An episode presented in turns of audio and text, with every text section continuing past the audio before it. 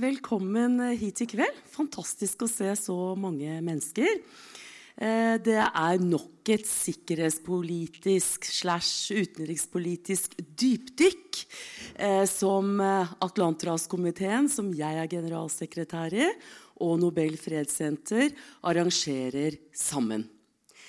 Og ved bordet til Christian Borch, som vi jo da drar veksler på hver eneste gang, for han er så flink til å stille spørsmål, har vi i dag Torbjørn Jagland. Vi har eh, prøvd å få han hit lenge. Mannen er travel, han farter rundt. Og som dere vet, så ble han valgt til generalsekretær i Europarådet for nøyaktig åtte år siden. Det var 29.9.2009, leste jeg i dag. Og har altså sittet der siden og har fått mange både kriser og utfordringer på sitt eh, bord gjennom disse årene. Vi gleder oss veldig til å høre på denne samtalen, og vi gjør som vanlig. Vi holder på i én time. Vær så god, Kristian. Ordet er ditt. Takk skal du ha. Ja, Torbjørn Jagland, velkommen til uh, vår scene og vårt bord og vår krakk, for å si det Takk sånn. for det. Du ble jo ikke bare, du ble jo ikke bare valgt én gang, du er jo gjenvalgt. Det er jo faktisk et poeng, er det ikke det? La meg få lov å stille, jeg åpner med et sånt helt banalt spørsmål. Og det er kanskje dumt, men det er altså det spørsmålet som alle stiller seg. Er demokratiet i Europa i fare? Jeg vil si at det er fare for det. At det er fare for at det er i fare? Ja, Men det har sammenheng med, etter min oppfatning, tre ting. Det ene, ene er så Jeg tror ikke man må fokusere så veldig mye på disse populistiske partiene, men det er bare et symptom på hva som er faren for Europa. Og det er tre ting. Det ene er hva som skjer utenfor Europas grenser. Det har vi allerede sett med konflikten i Syria og alt det rundt det, og flyktningstrømmen som kom. Og ikke minst den økte faren for terror og fremmedkrigere som sprang ut av den situasjonen. Og så har vi konfliktene på vårt eget kontinent, særlig i Ukraina. Men det er lignende, fare for lignende kriser andre steder, i Moldova f.eks., som har tilspisset situasjonen mellom øst og vest noe så helt øh, vanvittig. Nesten mer under, enn under den kalde krigen, og som har påvirket hele det politiske klimaet i den vestlige delen av Europa. Og så har du globaliseringen, som har skjøvet altfor mange til side. Og disse tre tingene fører til økt oppslutning om de såkalt populistiske partiene og mindre hva skal jeg si, styringsmuligheter for det, de gamle, tradisjonelle partiene som egentlig sto sammen om å bringe velferdsstatene fremover og bygge det europeiske prosjektet. Da. Så hvis man ikke får kontroll over disse tre tingene, så tror jeg at det er fare for demokratiene. Ikke nå, men det er en prosess som kan, som kan uh, gå videre enn den er i dag. Men altså Det du sier, høres jo for meg ut som du sier at de systemene vi bygget opp i etterkrigstiden, da ikke har fungert etter hensikten. Altså Hvis nå problemene utenfor uh, presser seg på med så stor styrke, så betyr jo det at vi altså ikke har funnet metoder å samarbeide om å løse dem på.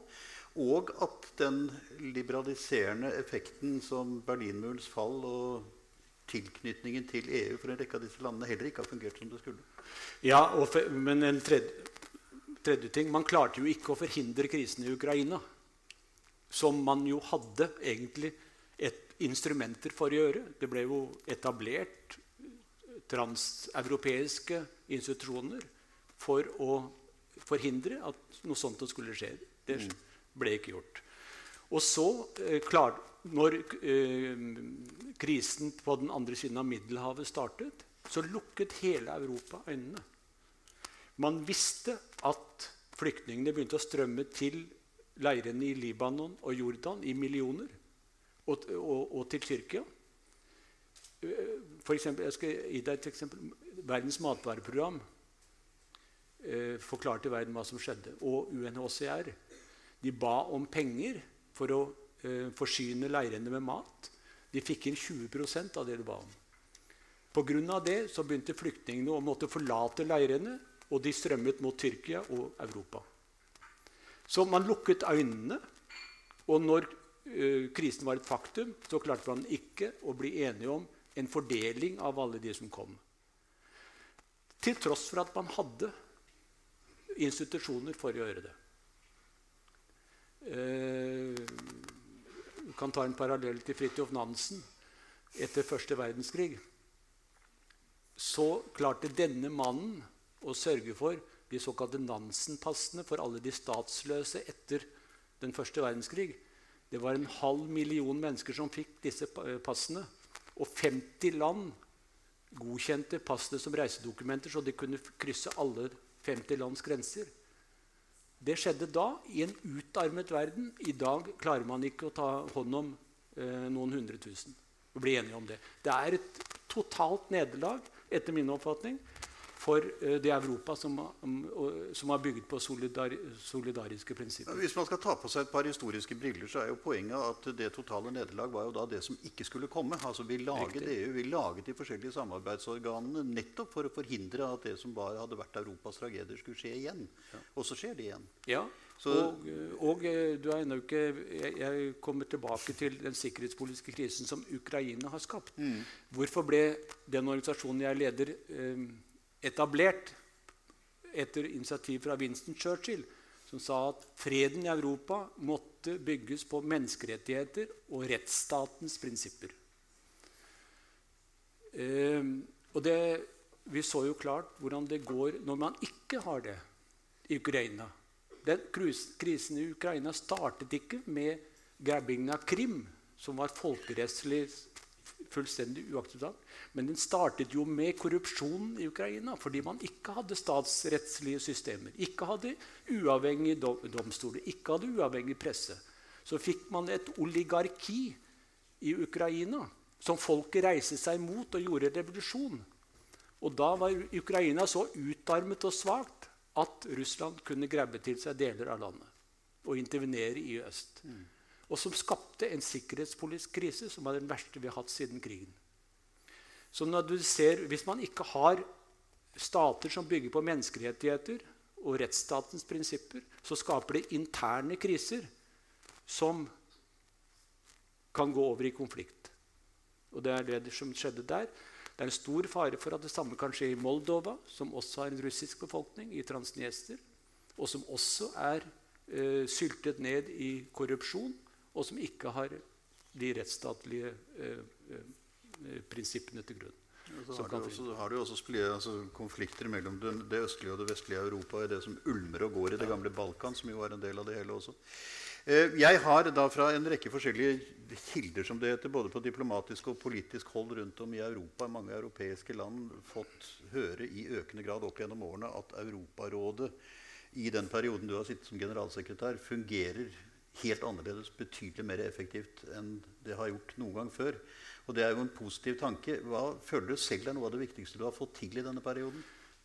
Det er eh, at uh, Den europeiske menneskerettighetsdomstolen ble reddet. faktisk. Det var ikke pga. meg, men det var pga. Uh, de reformene som vi satte i verk. Den hadde 130 000 saker som ikke var behandlet da jeg ble valgt. Den kunne ikke lenger fungere. Og eh, Derfor så satte vi i gang en dyp reform av domstolen som gjør at den nå er oppe å stå, er meget sterk. Og den kan nå Jeg, jeg mener at den er den siste eh, og den, kanskje den eneste mekanismen som Europa har nå for å holde Tyrkia noenlunde eh, innenfor eh, akseptable rammer. Fordi nå, inntil nå har vi fått 20 000 klager til domstolen fra tyrkiske borgere som er øh, da øh, enten blitt avsatt eller fengslet etter kuppforsøket. Og alle disse menneskene har den siste mulighet til å gå til Strasbourg, altså den europeiske menneskerettighetsdomstolen. Og eh, den har da det siste ordet om disse menneskene har fått en rettferdig behandling hjemme eller ikke. Sånn at i dag så foreligger det egentlig ikke noe annet instrument som Europa har for å Bortsett fra det pressmiddelet som EU da kan ha Eh, fordi er, Tyrkia er jo ganske avhengig av det europeiske markedet. Men det er klart at dette juridiske ek, eh, instrumentet som ble etablert, og som vi heldigvis klarte å redde og styrke gjennom de reformene, det er på plass. Og rettsstaten fungerer på europeisk nivå.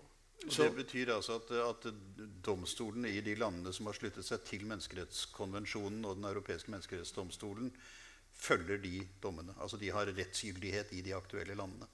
Ja, og, gjelder, det alle? holdt Jeg på å si? Jeg husker at Du, du ja, nevnte vel for meg før du tiltrådte at et hovedpoeng for deg var å få russerne med i, i denne prosessen, altså med i menneskerettskonvensjonen og akseptere domstolen. Har det fungert som det skulle? Russerne hadde nektet å uh, undertegne den protokollen til konvensjonen som det, ville gjøre det mulig å reformere domstolen. Og så fikk vi russerne til å undertegne den protokollen. Så kunne reformen i domstolen starte. Russerne følger dom, dommene i Strasbourg. De gjennomfører dem. Det er visse problemer med enkelte dommer, som det er i alle land. Men uh, det er helt klart at uh, pga. Den europeiske menneskerettighetskonvensjonen, domstolens eh, i Strasbourg rettspraksis, så har man skapt en helt ny straffelov i eh, Russland. En helt ny sivillov. Og man har ikke minst reformert fengselsvesenet i betydelig grad. Ikke nok, men det har skjedd en enorm endring av rettsfengselsvesenet i Russland f.eks. Men har, har, Russland satt seg selv på siden, eller blitt satt på siden av dette pga. Krim? Ja, øh, det er klart det. Når man går til et så alvorlig brudd på folkeretten, så skaper det bølger i alle internasjonale organisasjoner, øh, også hos oss.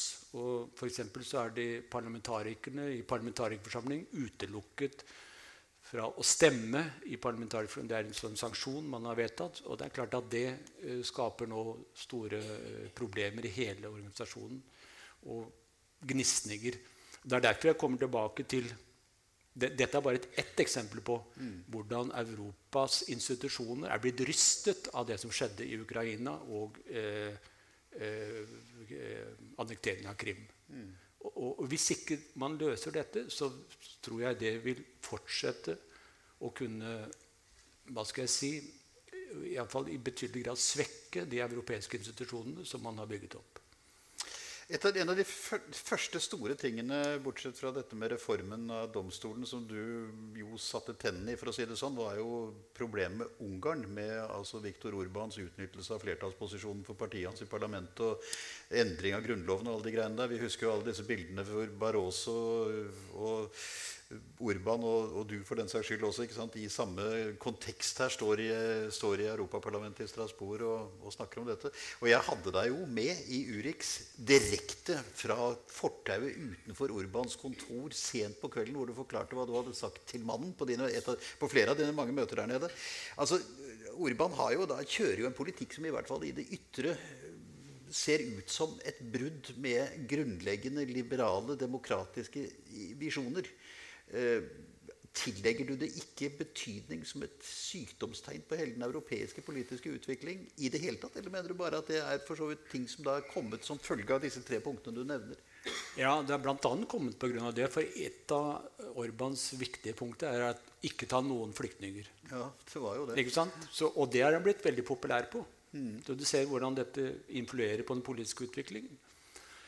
Det andre er jo at øh, pga. Liksom hele denne krisen så har jo mer autoritære mm, hva skal jeg si, tilbøyeligheter eller mm, støtte til mer autoritære tanker fått uh, bein å gå på. Fått en smitteeffekt, altså? Ja, smitteeffekt. Uh, ja, det er jo um, Putin er jo blitt ganske populær mange steder i Europa, også i Vest-Europa. Mm.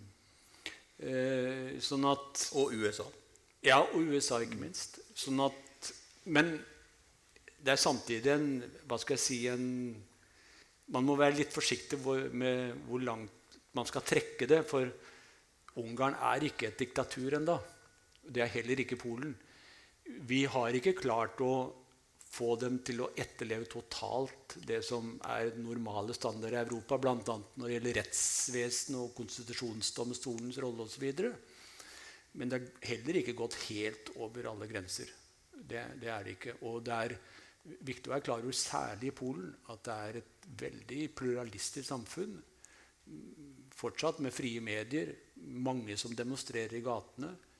Og det er ikke gitt at uh, man kan liksom bringe disse landene helt ut av uh, det normale i Europa. Altså spørsmålet er jo, ikke sant, jeg husker jo Da, da eh, Trump ble valgt i USA, så samlet jo lederne for disse partiene seg i Europa i et slags sånn begeistringens fond og tenkte at nå er, liksom, er det slått høl i muren. Nå er det fritt frem for oss også. Nå blir det helt strålende. Det gikk jo ikke slik. Det er jo mulig at det kanskje virket motsatt i noen grad. Men spørsmålet er jo altså om den liberale orden står under et såpass alvorlig press pga. disse til dels utenforliggende elementene som, som da påvirker hele den politiske prosessen, at evnen til å reise seg opp igjen og gjøre noe med det er blitt redusert? Ja, den kan øh, sakte, men sikkert komme til et punkt da det ikke er noe vendepunkt. på en måte Man ikke kan mm. gjøre noe med det. det. det. tror jeg er en fare for. Du kan si uh, Trumps, hva han har uttrykt, og som er hans faktiske politikk, det er jo at eh, USA skal gjøre som man vil. Mm. Det er jo Make America great again. Vi mm. gjør som vi vil. Mm. Og eh, Putin gjør som han vil. Mm. Han kan annektere et annet lands landområde. Mm. Og mange i Europa vil også gjøre som de vil. F.eks. i Storbritannia så har Det konservative partiet lenge sagt 'bring decisions back home'. Det er myntet direkte på f.eks. Den europeiske menneskerettighetsdomstolen, mm. som har avsagt dommer de misliker. Derfor så um, vil man ikke innordne, innordne, seg den. Dette er blitt retorikken. Marie Le Pen sa åpent etter valgkampen i Frankrike La oss nå bli kvitt Den europeiske menneskerettighetsdomstolen. Mm. Eh, her i, hjemme i Norge så sa jo Per Sandberg det for et par år siden. Vi trenger ikke å, å underlegge oss dommer fra Menneskerettighetsdomstolen. Mm. Det kan vi bestemme sjøl. Sånn at eh, hvis disse tingene får rulle på seg, så er det klart at det kan komme til det punktet da det ikke er noen uh, no return. Spørsmålet er jo da om disse isolasjonistiske, nasjonalistiske trekkene som preger denne type partier, har fått såpass stort grunnlag at det ikke kan gjøre så veldig mye med det på et eller annet punkt. altså dette du selv sier med et vendepunkt, Men spørsmålet er jo da ser vi noen tegn til noe annet. Og da tenker jeg nokså konkret på eh, Emmanuel Macrons eh, tale til Sorbonne-studentene for et par dager siden, hvor han altså fremlegger en operasjonsplan for å styrke Europa og bringe, tilbake, bringe tilbake en del av de visjonene som startet det europeiske samarbeidet etter krigen. Hva tror du om det? Etter min oppfatning eh, veldig viktig og positivt, det han der sa. og jeg vil trekke fram ett punkt som har med det, disse krisene jeg har nevnte det er det at han går inn for en felles finansiering av en stor innsats eh, på den andre siden av Sahara. Slik at ikke vi får den, en gjentagelse av den krisen vi hadde eh, på vår side av Sahara, nemlig Syria, Libya og det, med alle flyktningstrømmene. For det som har vært lite kjent i Europa, det er at det, det er under emning en enda større krise på den andre siden av Sahara.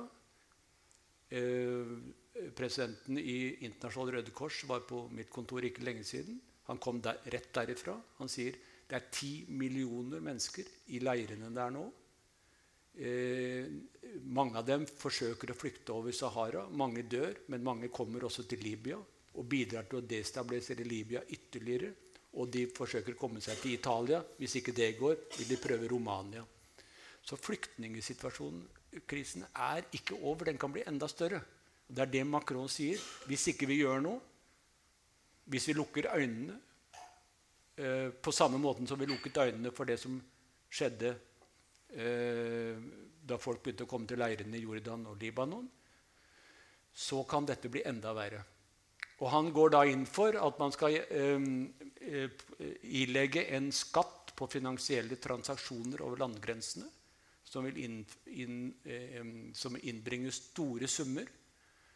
Eh, som da kan brukes til å gjøre noe på det han kaller da Sub-Sahara, altså på den andre siden av Så gjøre noe der hvor problemet er. En Marshall-hjelp Ja. for hele det området. Eh, I stor skala, finansiert av globaliseringens fordeler. Altså at de som har trukket fordeler på globaliseringen gjennom finansielle transaksjoner, de må, bi hjelp, de må, de må bidra eh, til å eh, avhjelpe globaliseringens eh, problemer. For det er mye av det vi ser på den andre siden. Jeg syns det er en glimrende idé å tenke på. Eh, og Macron har andre forslag til hvordan Europa kan organiseres, som gjør at eh, etter min oppfatning den fremste politiker vi har i Europa i dag, som tenker framover, som vil gjøre noe. Men vil han få til dette? Altså Problemet er jo at det kan jo virke som om politikken på en måte har mistet litt kontroll over finansnæringens viltre virksomhet i løpet av de siste 10-15 årene, kanskje. Altså Vil det være mulig å regulere den? I så stor grad at man kan hente inn det nødvendige beløpet i skatter og avgifter fra, det, fra den eh, globale virksomheten? Ja, det altså Vi kan jo aldri si at uh, ingenting kan gjøres. Um, Nei, men man kan spørre om det er eh, en enkel jobb. Jeg tror man kan gjøre mer for å regulere ting på det nasjonale plan. Og jeg tror at man kan gjøre mer på det internasjonale plan, på det globale plan. Og en av de tingene som Macron faktisk har foreslått, er et veldig konkret tiltak som faktisk Frankrike på ensidig grunnlag allerede har innført. Ok. Eh, Men hvis alle de europeiske landene, verdens største marked, gjør det i fellesskap, så er det klart at det vil eh, legge grunnlag for en Marshall-plan. Som jo Marshall-planen reddet jo Europa etter annen verdenskrig. Eh, og han tenker på samme måte når det gjelder eh, Sub-Sahara. Eh, vi må tenke stort. Og vi må finansiere det. Og de som har tjent på globaliseringen, de får være med å finansiere det. Ja, for det, altså det bildet vi sitter igjen med, det er jo at det voldsomme sjokket Europa fikk i september 2015, da det plutselig så omfanget av det som kom, det virket jo som en folkevandring, det er i realiteten noe som bare vil fortone seg som et slags sånn preludium i forhold til det som kan komme. Altså Den bevegelsen er like sterk.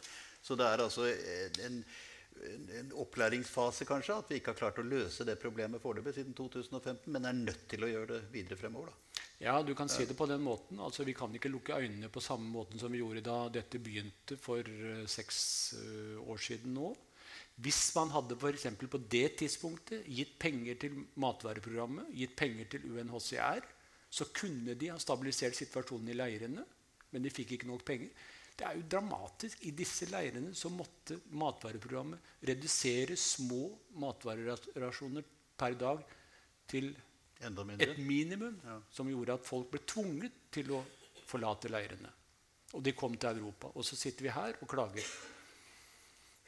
Ja, Vi hva, kunne- hva vil du tro? Vil det, altså, vil det, vil det være forståelse for Macrons uh, prosjekt i de enkelte parlamentene?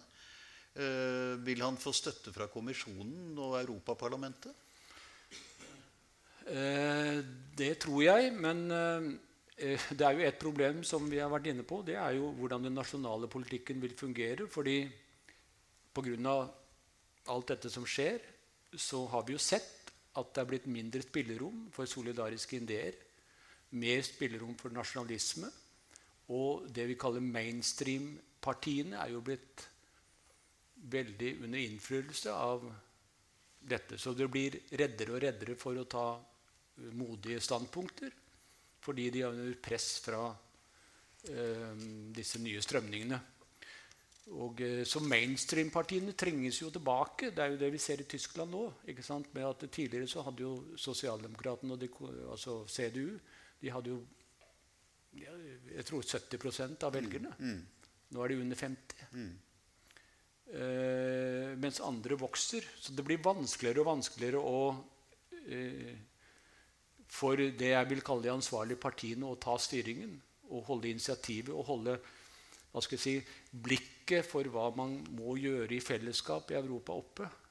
Så det er ikke så godt å si. Jeg må si jeg ikke er veldig optimistisk når man f.eks. så nå hva som hendte i Tyskland.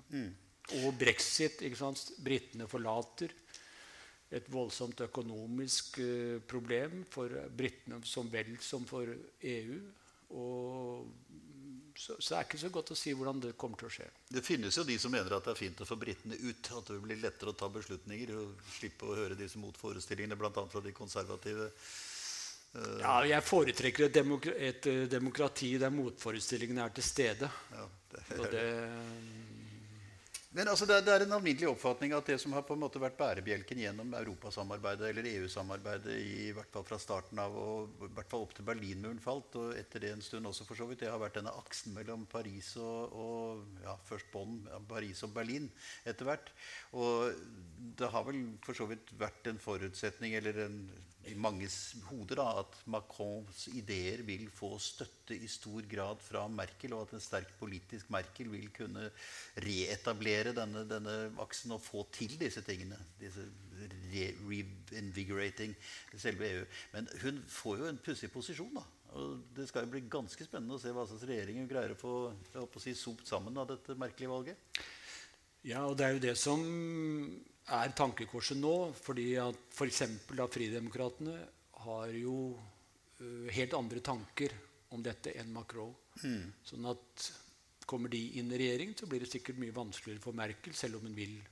Så det er det jeg sier, at uh, disse stemningene påvirker jo også um, store politikere som Merkel til å um, Eller innskrekker hennes uh, handlingsrom kan du si. Mm. Sånn at kanskje den tysk-franske aksen, som var så viktig etter annen verdenskrig, og som har alltid vært viktig, den, det er ikke så lett å få øye på den nå.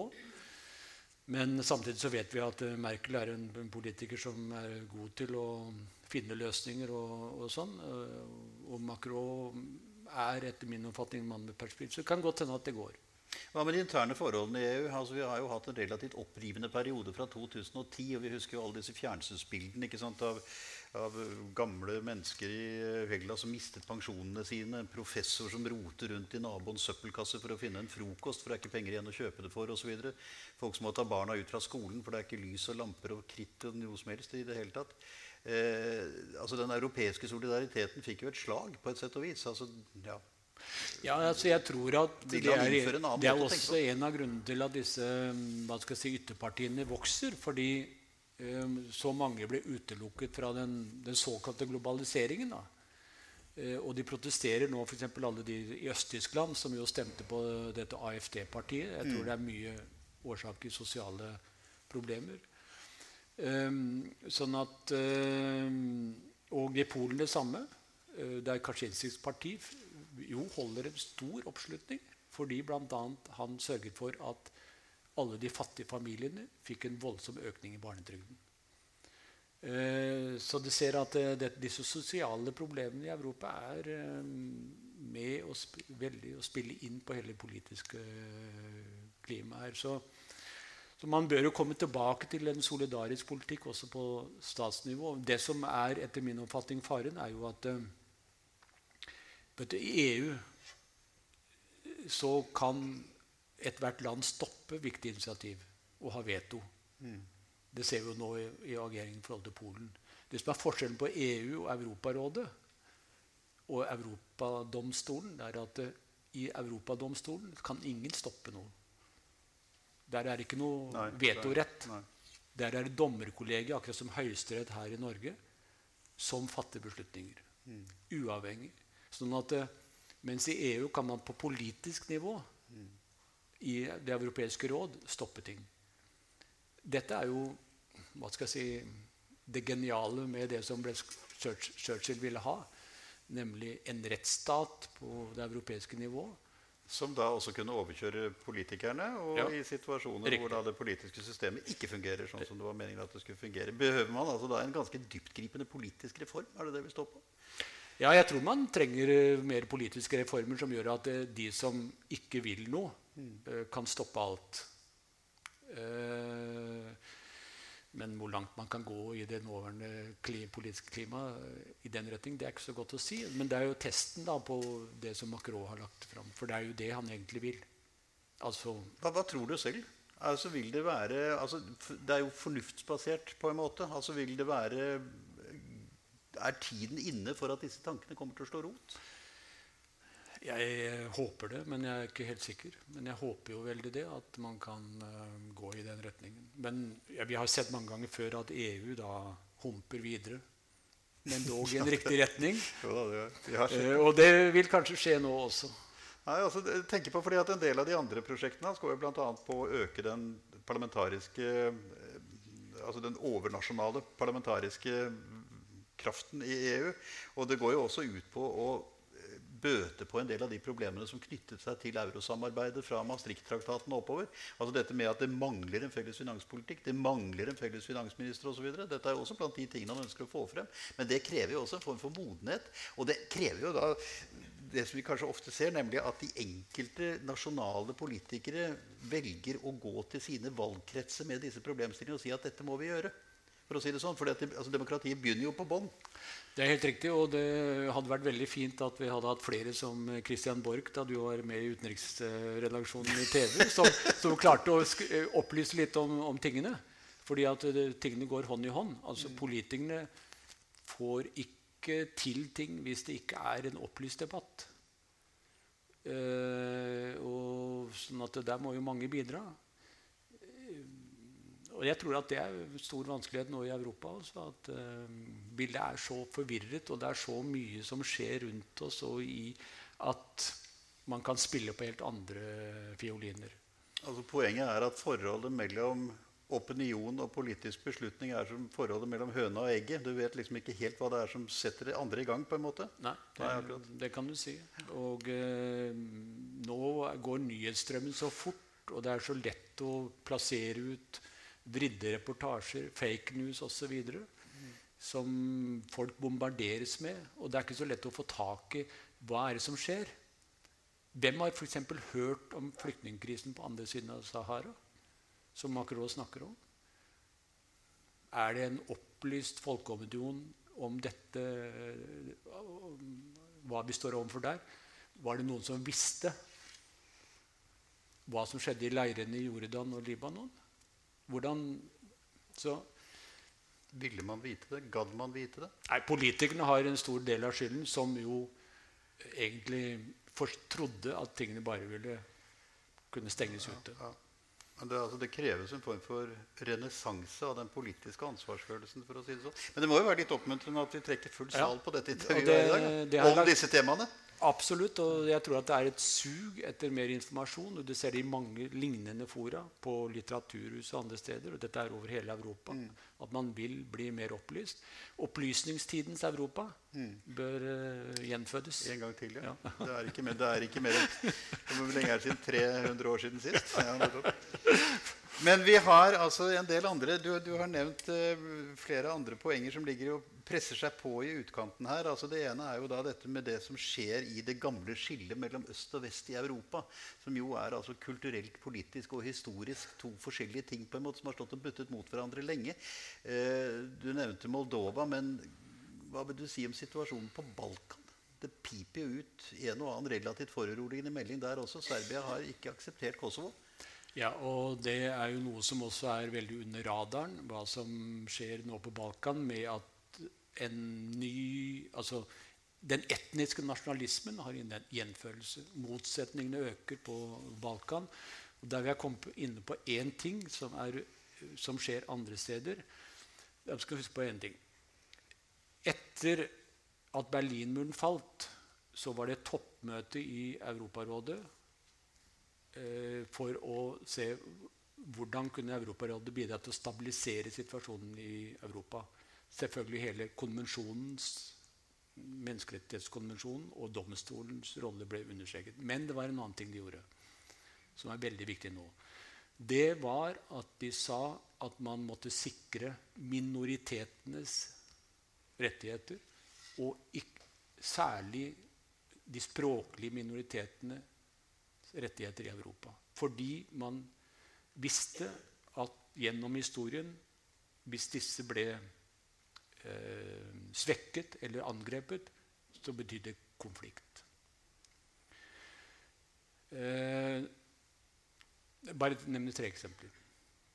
I Ukraina så har man vedtatt en ny lov som ikke lenger gjør det mulig sannsynligvis for polakker og ungarere å bli undervist på sitt eget språk.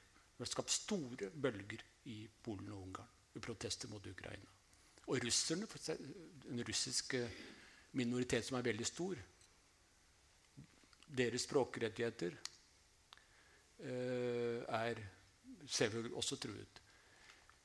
Vi har akkurat det samme i Georgia. Det er den georgiske eh, minoriteten i Abkhasia som ikke lenger får mulighet til å få utdanning på sitt eget språk, som russerne står bak. På Balkan, siden du nevnte det, i Vukovar Du husker sikkert Vukovar? Ja, den berømte byen. Og ja. krigen i Vukovar ja. mellom serbere og kroatere. Mm. Nå har man fjernet de serbiske navnene i gatene i Vukovar. Og man går til angrep på det serbiske språket generelt sett. I det heteste konfliktområdet som vi hadde på Balkan, med den dramatiske krigen. Det var vel der det begynte? var det ikke det? Jo, ja. det var i Okovar det begynte. De gamle mentalitetene kommer tilbake.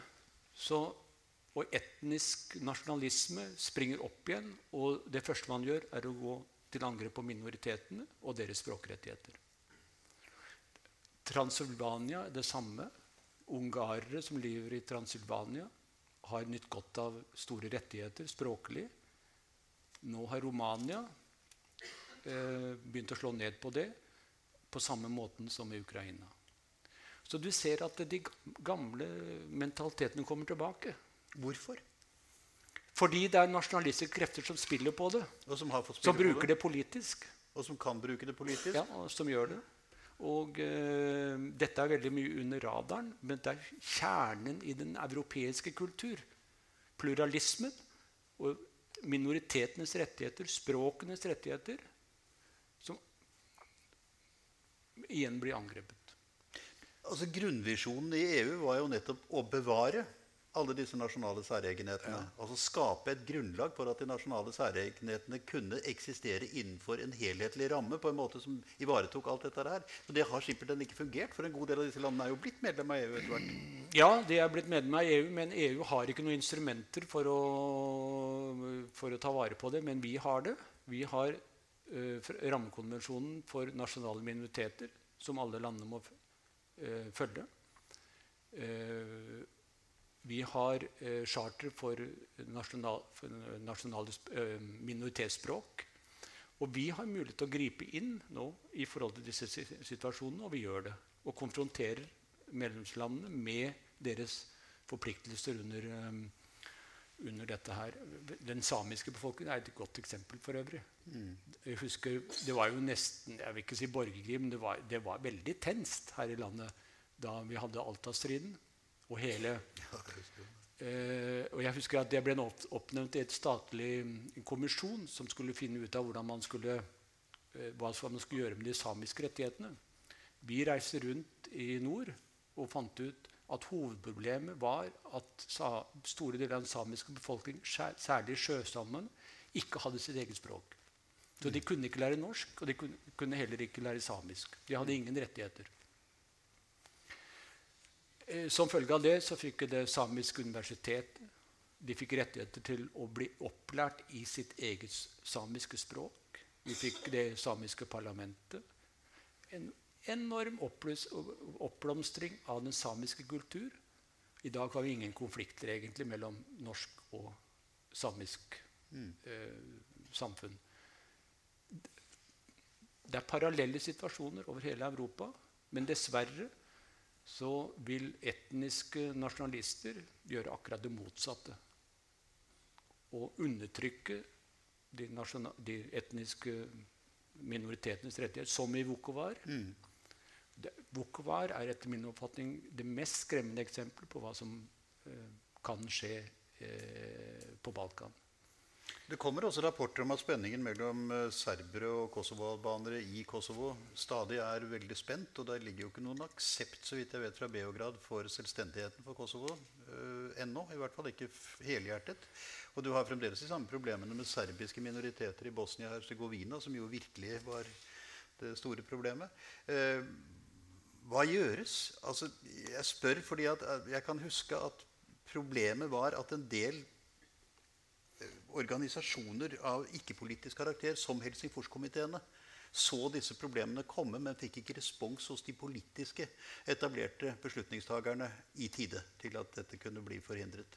Og Det er vel en viss fare for at dette kan skje igjen. Og Der kommer vi da tilbake til dette med de etablerte politiske institusjonenes evne og vilje til å takle de problemene som er der. gjør vi ikke Det Ja, når det, gjelder Kosovo... det blir litt løst, jeg er klar over det. Altså, Nå, jo, men eh, når det gjelder, det er godt, Siden du nevner Kosovo, så er det egentlig et godt eksempel på det positive og negative Problemet i Kosovo er bl.a.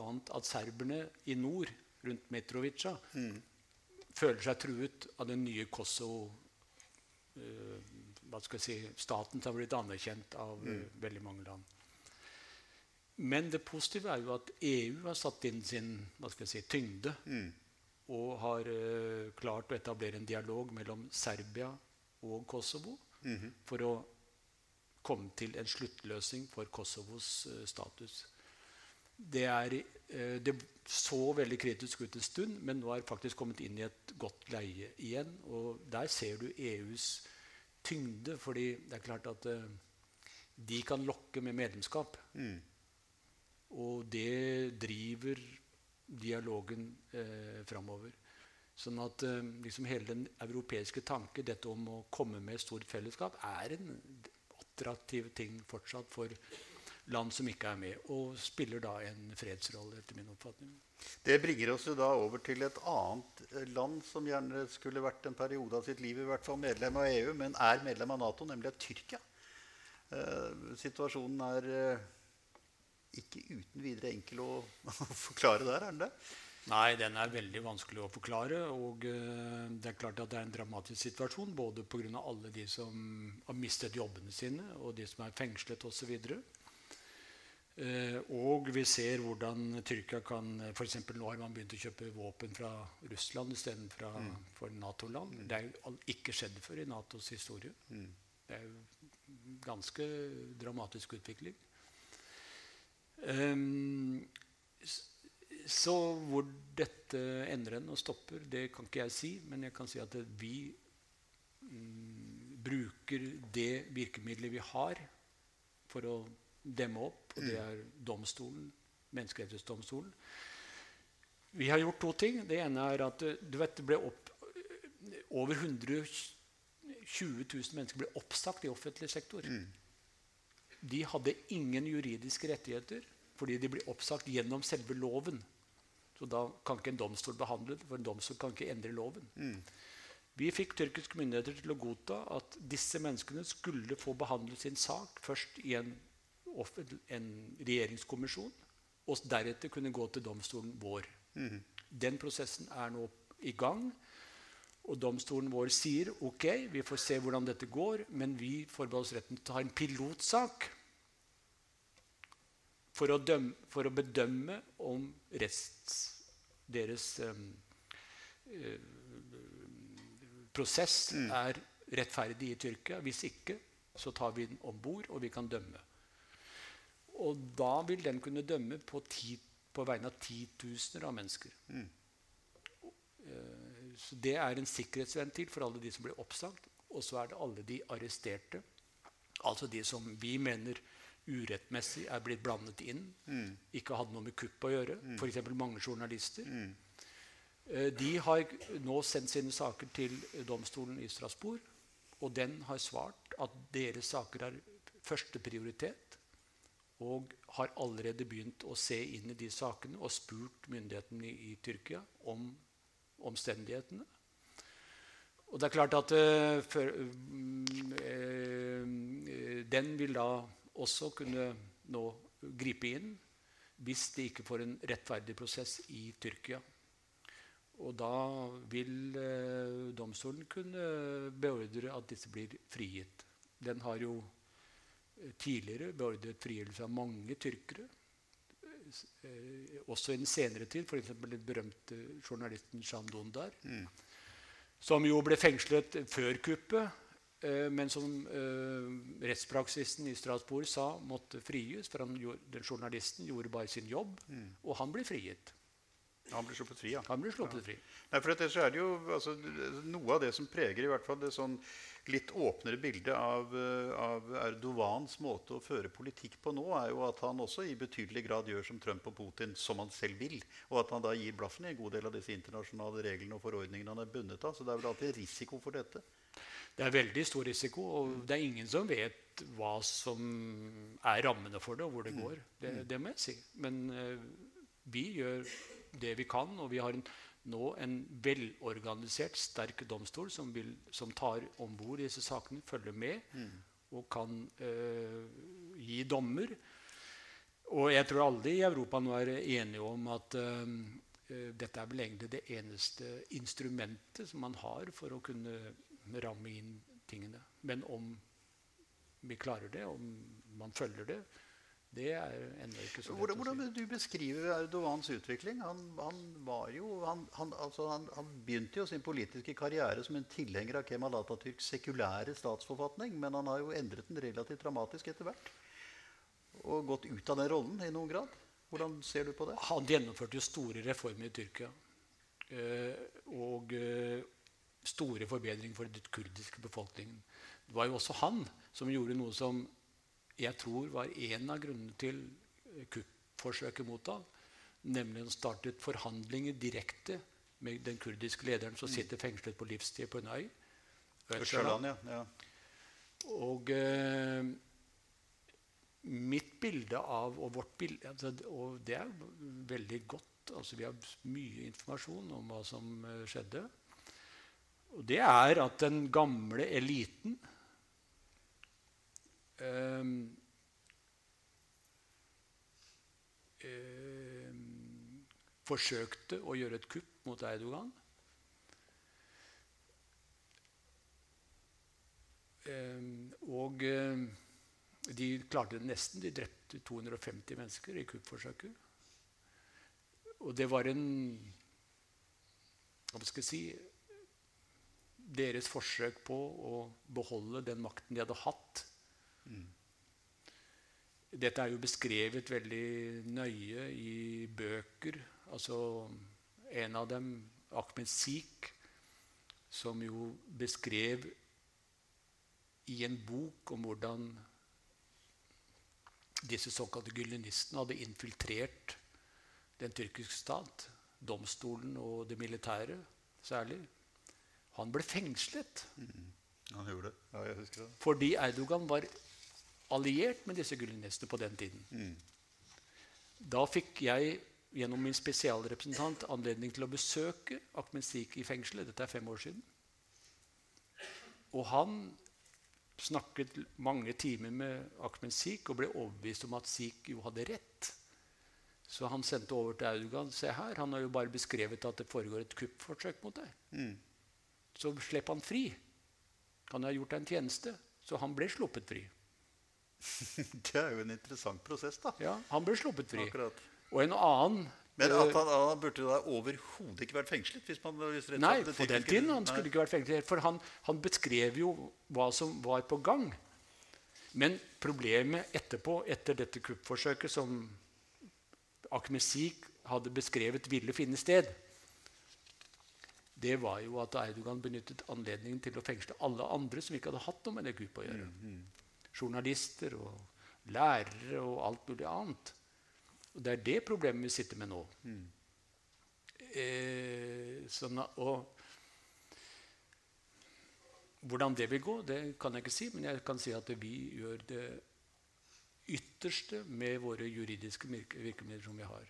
Men mer kan ikke vi gjøre. Vi har ikke tanks og kanoner til å, liksom, å feie ting til side, men vi, må, vi kan beskytte folk så langt det så langt rettsmidler da rekker.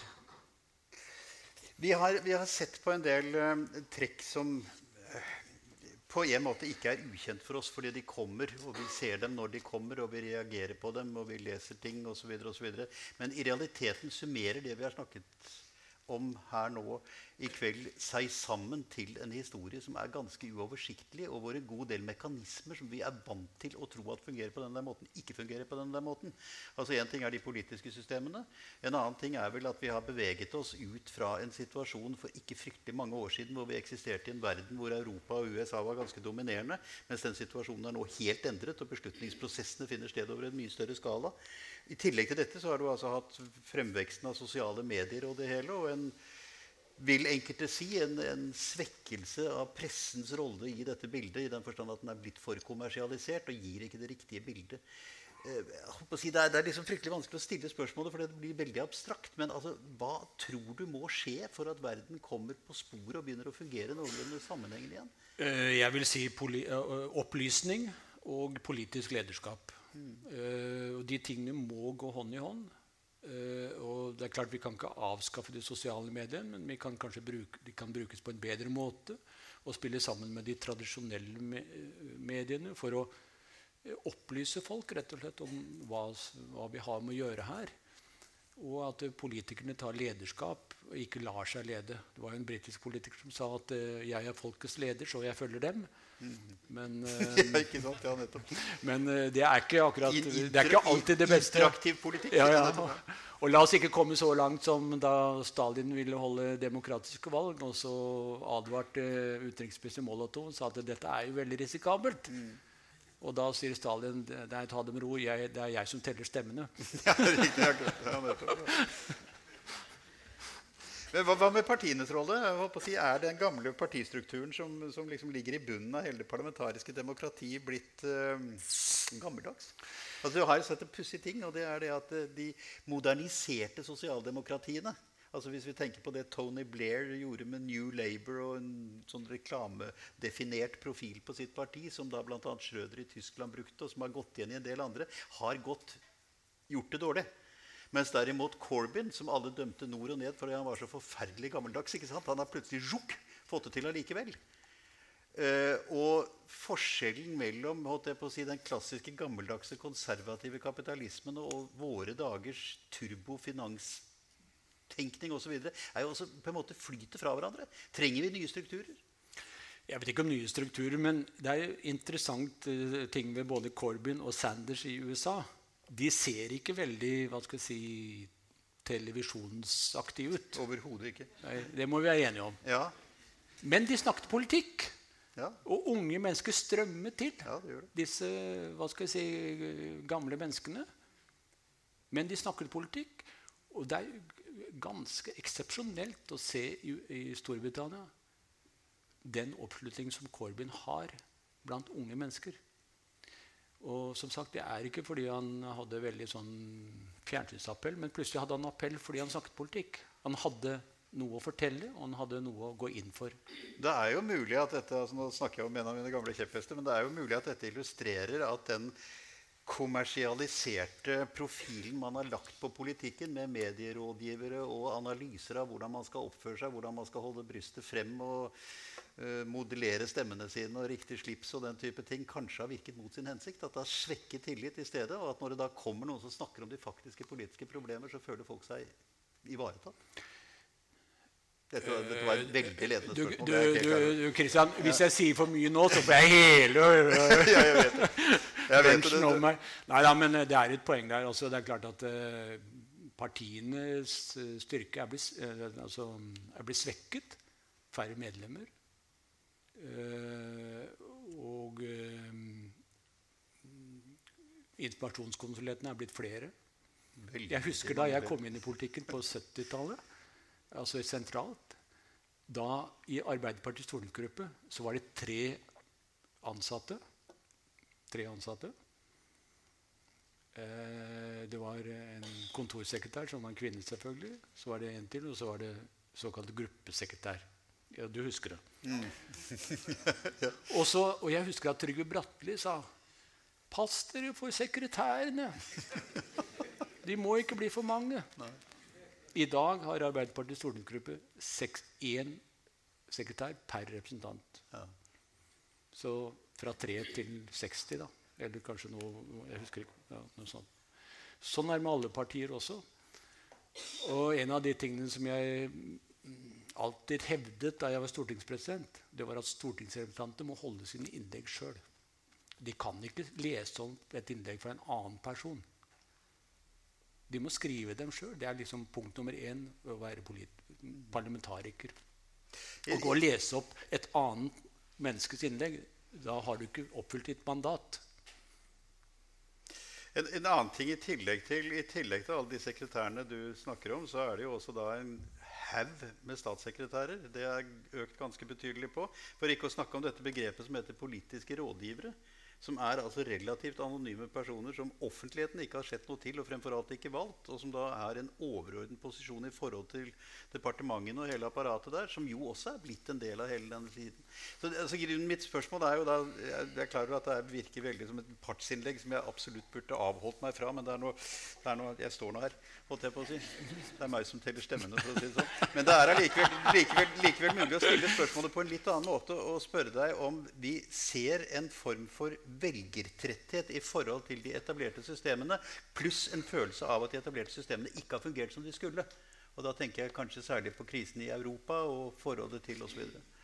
Ja, jeg tror vel det er, en, det er nok en ut, mer utbredt oppfatning i andre land enn i Norge. fordi at Norge har jo hatt mye oljepenger å smøre tingene med, så det går jo mye bedre her. Men det er klart i Storbritannia og nå jeg tror i Tyskland, når du ser på stemmeandelen fra dette AFD-partiet, så er den er veldig høy i Øst-Tyskland. Mm. Og det skyldes jo at østtyskerne har falt, igjen, falt tilbake. Mm. Eller er ikke blitt tatt hensyn til mm. i sterkere grad. Og en annen ting som jeg leste, var veldig interessant. Det var demonteringen av de samfunnsmessige institusjonene i Øst-Tyskland. Altså sånn som politi, Eh, og andre ting mm. som har blitt sentralisert, sånn at folk føler at de er ikke lenger til stede. Det er ikke noen connection kan man si, mellom de sivile, statlige organene der folk bor, eh, og befolkningen. De, og det ble påstått at dette har gått mye lenger i Øst-Tyskland enn andre steder. Og, eh, kan, og er en årsak til misnøyen med tysk uh, politikk. Jeg vet ikke, men dette er en analyse som jeg så jeg tror det har litt for seg. At uh, folk må føre nærhet til politikerne. De må føre nærhet til de samfunnsmessige statlige og kommunale institusjonene. Det må ikke bli for langt vekk. Politiet må være liksom der folk er. Uh, for mange år siden så hørte jeg en mann som sa at etter en sånn reform så, sa, så Han ringte på politikammeret i Notodden, og det var en som svarte, det var sånn calling, så svarte hvis du ønsker kontakt med politiet, så må du ringe Skien politikammer. ja, Men det er jo langt unna. Mm. Så det er noe med liksom, nærheten til ting som jeg tror er blitt svekket. Og nærheten til politikeren kanskje også. da. Som når brannvesenet responderer på en brannmelding med ja. å si at 'sleng på noen kubber til, vi kommer om en liten stund'. Ja, ja, og eh, det er klart Når det gjelder alle statssekretærer, er det samfunnsmaskiner er blitt mye mer komplisert. Mm.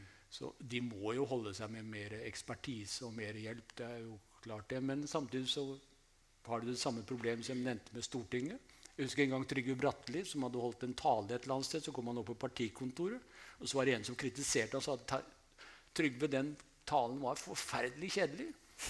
Og så sier Trygve på sin uh, spesielle måte Du skulle sett hvordan den var da jeg fikk den. Akkurat. ja, ja. Hvis, ja, akkurat. Altså, det er jo, Så det var noen andre som har skrevet talen? Ja, nei, det, jeg satt og tenkte på det. For det er jo altså et eller annet med at debattene i parlamentet er vel ikke akkurat slik at folk sitter klistret til apparatene for å høre nei. på disse vittighetene. Og det er ikke lenger slik som det var da jeg begynte som journalistaspirant for 400 år siden. omtrent, At det sto lange køer hver dag rundt Stortinget av interesserte mennesker som ville inn på galleriet for å høre deres folkevalgte snakke om viktige saker for dem. Nei, det er riktig. Og sånn var det med andre, alle ting. liksom. Eh, det er jo lett å si at det var bedre før. Men for eksempel, jeg har jo hevdet det at det var mye mer interessant med femmila i Kollen. Når, når det gikk hele runden, ja. og Bjørgen Lillien kunne rapportere der ute fra Jeg var på Blankvannsbråten i sommer og satt der og tenkte på dette. Da Lillien kom inn fra, med tidene fra Blankvannsbråten. Det var utrolig spennende.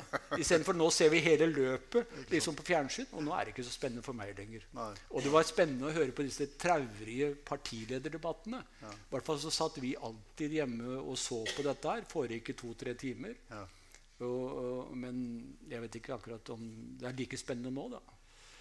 Nei, jeg skal ikke, altså jeg skal ikke mene noe. Jeg, jeg, jeg, burde, burde, burde la være å mene noe. Men altså, vi er i grunnen ved veis ende. Jeg er redd, for tiden går forferdelig fort når vi har det moro. Det gjør den alltid. Men jeg bare tenkte på at, at du, har jo, du har jo en god del upløyd mark foran deg. Hva tar du fatt på nå, og hva kommer til å bli de største utfordringene dine i morgen og i tiden fremover? Ja, Det som jeg virkelig brenner for, og som jeg håper kan komme i stand, det er jo en forpliktelse som EU har gjennom Lisboa-traktaten, å slutte seg til eh, Europarådet som det 48. medlem og bli underlagt domstolen i Strasbourg. Dette har vi forhandlet fram en avtale om um, mellom de 47 landene og EU-kommisjonen. Uh, men det er fortsatt mange politiske implikasjoner. Uh, og du ser at uh, nasjonalismen igjen får sin, sitt utspill uh, ved at man prøver å blokkere det. Mm. Men kan du tenke deg hvilket enormt fremskritt det vil være hvis EU som en stormakt i Europa, som det er, Tyrkia, Russland, alle de andre landene, kunne komme under samme domstol og bli Sånn at alle borgere også i EU kunne bringe EU-beslutning inn for Den europeiske menneskerettighetsdomstolen på linje med borgere i Russland, som kan bringe sin myndighet innenfor domstolen i Strasbourg. Jeg tror det ville være en fantastisk fremskritt hvis dette kunne skje. Og det står i Lisboa-traktaten at, at, det skal skje. Mm. Og hvis jeg kan få beveget den prosessen enten til slutt eller i hvert fall nærmer slutten før jeg slutter, så vil jeg hvordan, jeg hvordan, hvordan, har du tenkt å gjøre det? Uh, nei, nå er det faktisk litt bevegelse igjen i den situasjonen. Og det er jo det at de uh, 28 medlemslandene som det er nå, da, de må godta avtalen i Det europeiske råd. Der sitter jo alle regjeringene. Mm. Uh, det er det som må til. Eh, Storbritannia har nok vært ganske Men de faller jo ut. Det var det. Så, ja, hvordan det vil påvirke prosessen, vet jeg ikke.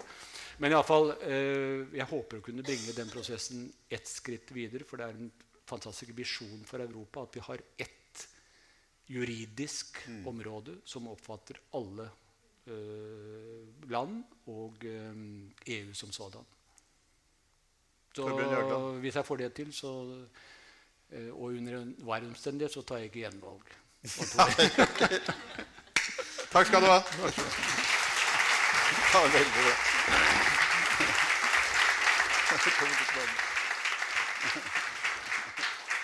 Tusen takk for uh, usvikelige, din usvikelige tro på retten som fundament. For det tror jeg kanskje er veldig viktig i dagens uh, samfunn. Uh, og hardt arbeid. Ehm, du har hatt mange stillinger. Utenriksminister, statsminister, stortingspresident osv. Og, så og selvsagt som formann i Nobelkomiteen. Du har delt ut mange Nobel fredspriser. Men du har ikke fått noen selv. Så du skal få en boks av meg. Men den er da full av fredspriser med sjokolade. Så jeg håper du kan sette tennene i de. Takk for det.